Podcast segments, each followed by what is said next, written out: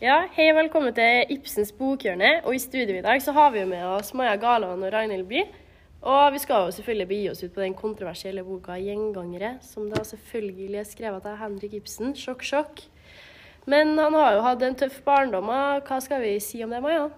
Ja, han hadde jo en veldig tøff barndom med inkludert eh, tøff økonomi og barn utenom ekteskap også. Og det her kan jo vi se eh, som inspirasjon til hans senere verk. Han tok for seg tabubelagte temaer, og deretter fikk han mye kritikk fra samfunnet på den tida. Ja, Vi kan jo ikke bare si at det er gjengangere. Vi ser igjen temaene her. Vi har jo både et dukkehjem og eh, Villanden også, med flere tema. Og han kritiserer jo hvordan samfunnets normer fungerer, og hvilke forventninger vi har. Men du kan jo si at det har ikke vært normalisert i, som en samfunnsdebatten før i senere moderne tid. For ja, nå er det vel greit å kritisere samfunnet, syns dere ikke det? Det er jo med i debatten i politikken også. Det er større åpenhet for Ja. å på en måte være negativ om ting. Ja. Så sikkert, altså. Men det stoppa han jo ikke fra å ryste samfunnet heller, da. Han kommer med flere og flere angrep på, på normer og forventninger. Men det gir jo eh, dramaaktualitet i dag òg, da. Pga. at han angrep normer og forventninger.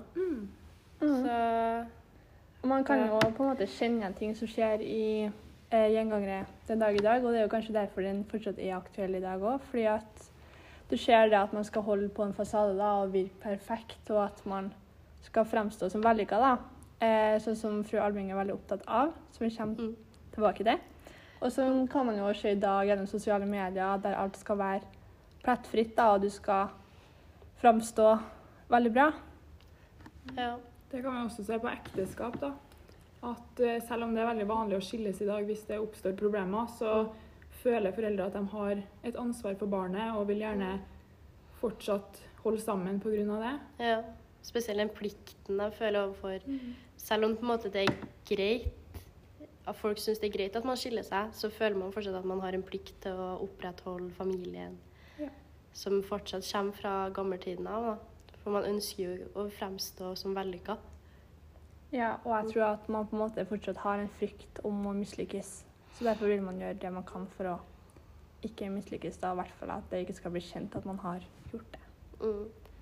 Så den gjengangere blir jo presentert på både teaterscener her i Norge og resten av verden, egentlig. Og det er jo forståelig i den forstand at det er jo ikke et eh, nasjonalt problem i Norge, det med at man eh, eh, Det med familiehemmeligheter og plikter. Det er jo et eh, verdenskjent verdenskjente problem han tar opp, som alle egentlig kan kjenne seg igjen i. For at familie er jo ikke Familie går jo verden over. Ja, jeg tror det er derfor folk enda leser gjenganger også. Man kan kjenne seg igjen litt i det. Derfor vil vi anbefale folk å lese boka, da. Ja, ennå i 2020. Yes. Da plinger vi inn på dagens første tema, og det er jo de ulike karakterene i stykket. Som leser kan vi vel si at vi har et ganske unikt syn på de ulike karakterene. Vi har jo et litt annet innblikk enn det de har i fortellinga. Der vi ser eh, ting fra et annet perspektiv, og vi vet jo det meste om dem før de vet det sjøl engang. Og det gir jo boka en form for spenningskurve, det òg, for vi ønsker jo at eh, sannheten skal komme frem, vi også. Så ja, vi kan jo gå rett på nesten hovedkarakter, skulle til å si hovedkarakteren, men det ja, men det er jo nesten vanskelig å definere hvem som er hovedkarakteren når det er, det er alle er så sentrale. Det er jo på en måte hun som har ansvaret for eh, alle løgnene. På en måte, for det er jo hun som er veldig opptatt av å opprettholde fasaden. Og hun òg, sånn som pastor Mander, som vi kommer tilbake til, føler jo kanskje en slags plikt da, eh, om å opprettholde ekteskapet og at familien skal se bra ut utad. da. Og hun skaper jo en illusjon eh, av livet deres som ikke er sann. Ja. Og vi har jo skulle til å si flere sitater i boka som gjenspeiler hennes eh, syn, da. Og Ja, vi har jo et eh, sitat her eh, som lyder som følger. Står meg alltid for at det var umulig annet enn at sannheten måtte komme ut og bli trodd på. Derfor skulle asylet liksom slå alle ryktene ned og rydde all tvil av veien. Det, der ser du på en måte at hun er såpass eh, opptatt av å opprettholde illusjonen da, og på en måte statusen til kammerherren, og at de er vellykka. da. Eh, hun er så opptatt av det at hun bygger et barnehjem eh, i ære for mannen sin, da. Som absolutt egentlig ikke var en bra mann i det hele tatt. Eh, og du merker også på slutten av boka at hun utvikler seg mye i forholdet med sønnen sin, som hun hadde sendt vekk, som vi også kommer tilbake til. Eh, men ja, pastor Manders var jo veldig opptatt av pliktene og gjennom livet og sånn. Ja, han var nesten mer opptatt av plikter enn fru Alving selv, og jeg følte at han påvirka fru Alving med at fru Alving ville jo, ville jo helst fortelle sannheten etter hvert, men da var det sånn at han var litt imot det her, da. Og der har vi da sitat fra boka der det står at fru Alving sier 'ja, men sannheten', da. Og så sier pastor Manders 'ja, men idealene', da.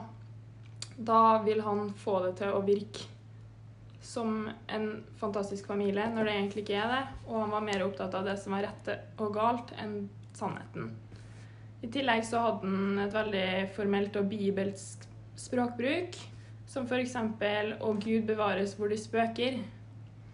I tillegg så la jeg merke til at eh, pastor Manders brukte Helene istedenfor fru Alving mot slutten, og det her kan jo vise til at de ble mer nær, da, og personlig. Ja, for fru Alving hadde jo tidligere før Jeg vet litt usikker om det var før hun hadde gifta seg med Jeg tror det var eller et rett. år inn i ekteskapet. Ja, da har hun hadde gått til, gått til da, pastor Manders og spurt på en måte da om det var greit at de heller på en måte ble sammen. Hun på en måte visste sin kjærlighet til han. da. Ja, eller hun var i hvert fall desperat etter noe annet Ja. enn Ja. Og det Mm. avviste jo han ganske sterkt pga. det som var rett og galt. Ja, og pliktene. Han frastod på en måte, Selv om han sin egen lyst var jo å være sammen med da, Helene eller fru Mm. Alving, men likevel så følte han at det var på en måte bibelsk rett. At Kvinnene skulle følge sin plikt, og han skulle følge sin plikt også. Ja. Mm. En eh, Osvald Alving, da. Ja, Osvald er jo I forhold til de andre karakterene så har han jo på en måte ikke den, egentlig den samme tilknytninga fordi han har vært så mye bort. Han har jo reist bort eh, Ble sendt bort til Frankrike. Men eh, når han kommer tilbake, da, for det barnehjemmet eh, Hva det? Oppståelsen av barnehjemmet? Ja Ja, når, det, ja. når det kom, så sier han jo for eksempel da Jeg har ikke bedt deg om livet, og hva, og hva er det for slags liv du har gitt meg? Jeg vil ikke ha det. Du skal ta det igjen. Og det er jo da helt på slutten, når han forteller om eh, at han har levd eh, veldig deprimert, der han har fått påvist syfilis, som er en dødelig sykdom. Og forteller da til mora si at eh, han ikke ønsker livet som hun har gitt han. Og han ønsker at hun skal ta livet fra han, sånn som hun like har gitt han. Fordi han føler ikke det er et liv verdt å leve.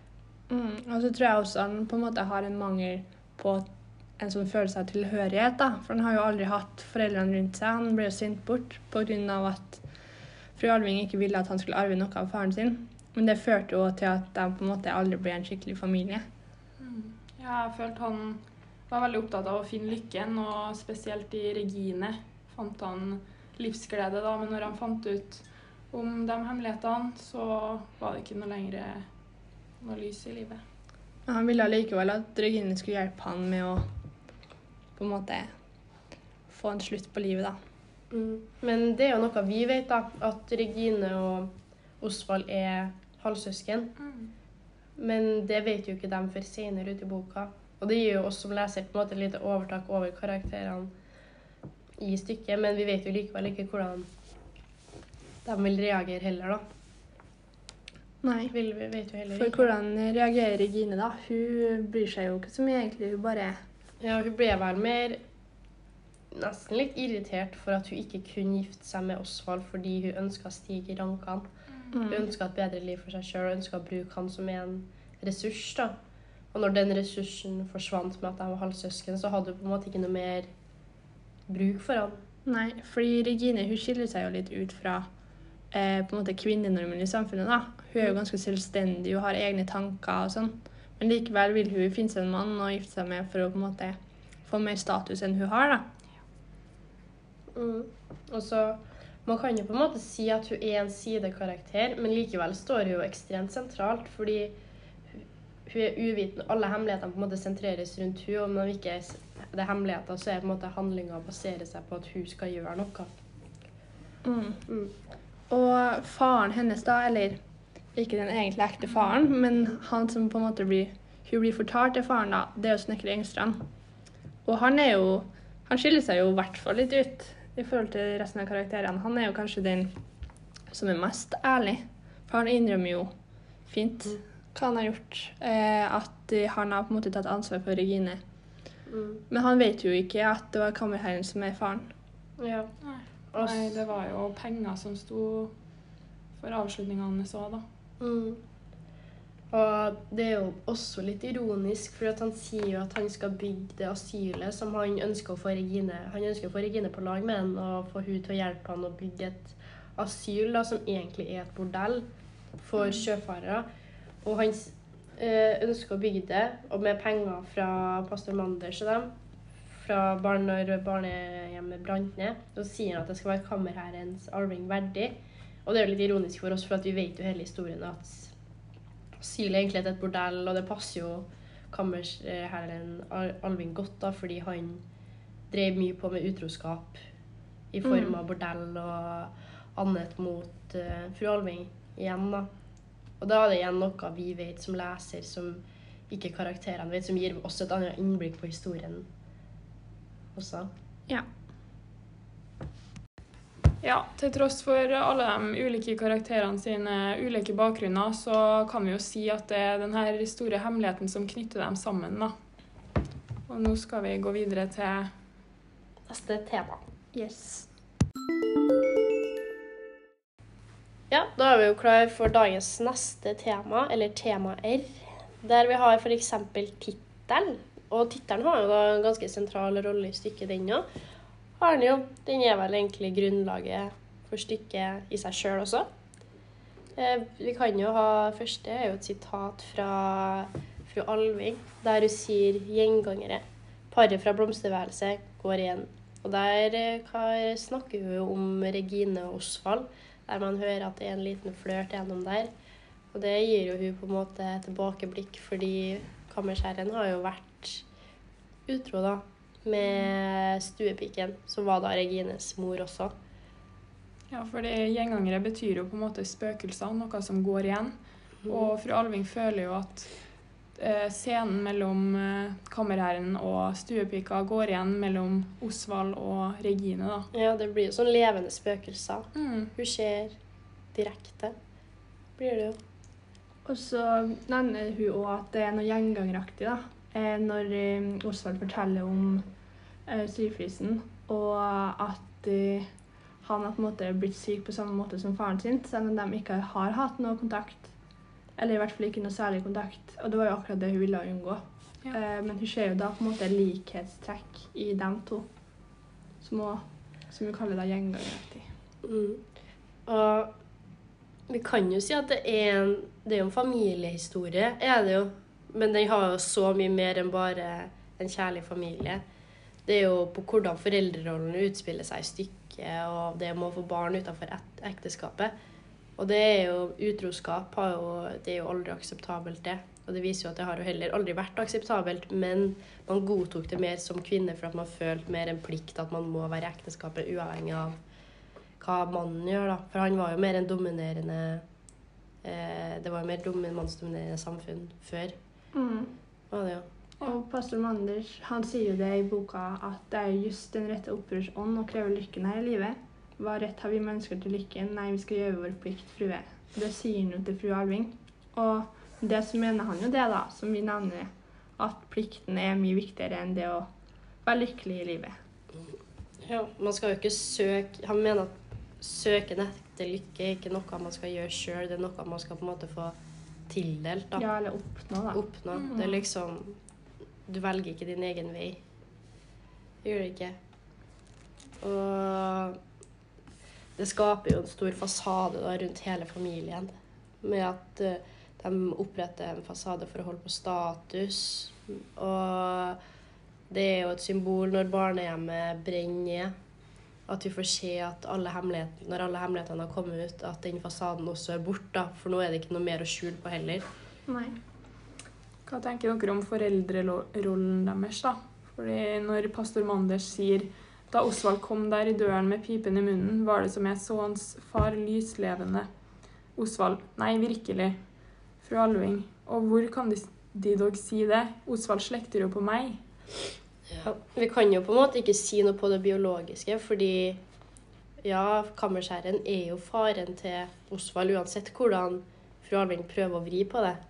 Men likevel så prøver hun å gjøre alt i sin makt for at han ikke skal bli som faren eller eh, gjøre som faren. Og det er jo på en måte hvordan de sosiale normene hans blir. da. Hvordan han utvikler seg som person. Ja, og så Hun sender han jo bort for å beskytte han, og så beskytter hun han jo også fra sannheten ved å ikke fortelle om det fæle ekteskapet og utroskapen. Og hun opprettholder fasaden både for alle andre og for sin sønn, da. Så han går jo glipp av flere viktige verdier eh, som du får gjennom foreldre. At du har foreldre, som f.eks. åpenhet da, og ærlighet. Noe som hun heller ikke viser han. Og det påvirker jo livsgleden til Osvald, for han mener jo at det ikke har vært noe livsglede i familien helt, altså helt, si helt siden han kom hjem, men han har jo på en måte aldri vært hjemme heller. Det har aldri vært en livsglede. Det har bare vært på en måte et veldig anstrengt forhold for at det skal virke bra, da. Et av symbolene Henrik Ibsen bruker på det, er jo det at det alltid regner Ja. når han er der. Og så når sannheten har kommet fri og han ønsker å dø, så er det jo faktisk sol. Mm. Er det jo.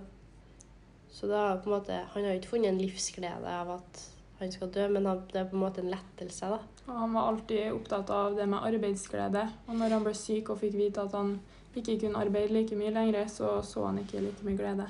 Ja. Så det er jo på en måte mye å ta tak i på, i boka, da.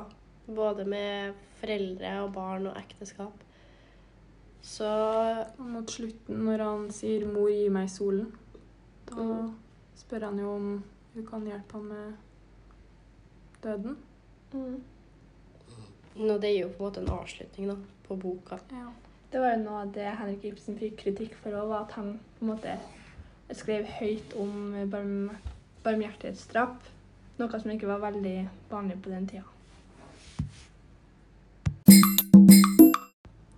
Sånn, da har vi jo gått gjennom ganske mye tema i boka. Og vi kan jo si at gjennomgående tema er jo familie i oppløsning. Og vi kan jo se ganske mange eksempler på familieoppløsning, eller bøker som er skrevet om familier i oppløsning i moderne tid også. For det var jo ikke bare et samfunnsproblem som skjedde da, det er jo et samfunnsproblem i dagens samfunn også. Og du Ragnhild har vel med deg en bok i dag, du, som passer perfekt her. Mm, arv og miljø. Eh, der er det jo en familie som er veldig i oppløsning. Der er det jo også sånn som gjengangere utroskap, familiehemmeligheter og Der òg så splittes de veldig pga. Fami eh, en familiehemmelighet da, eh, om eh, faren. Akkurat som i gjengangere. At det er faren Mm. også som har eh, på en måte gjort noe galt som det har blitt holdt hemmelig om. Ja. Så sånn sett så er jo en del av dem, eller en del av boka, begge bøkene, veldig like. Eh, og der kan du se en tydelig sammenheng, da. Og så er det sannheten kommer fram i den boka da, i forhold til gjengangere. Eh, I Arve miljø så er det rett og slett hun som har blitt utsatt for et overgrep av faren sin, som forteller det til mora. Eh, men der så er det en litt annen reaksjon, da. Mora tror ikke på henne. Ja.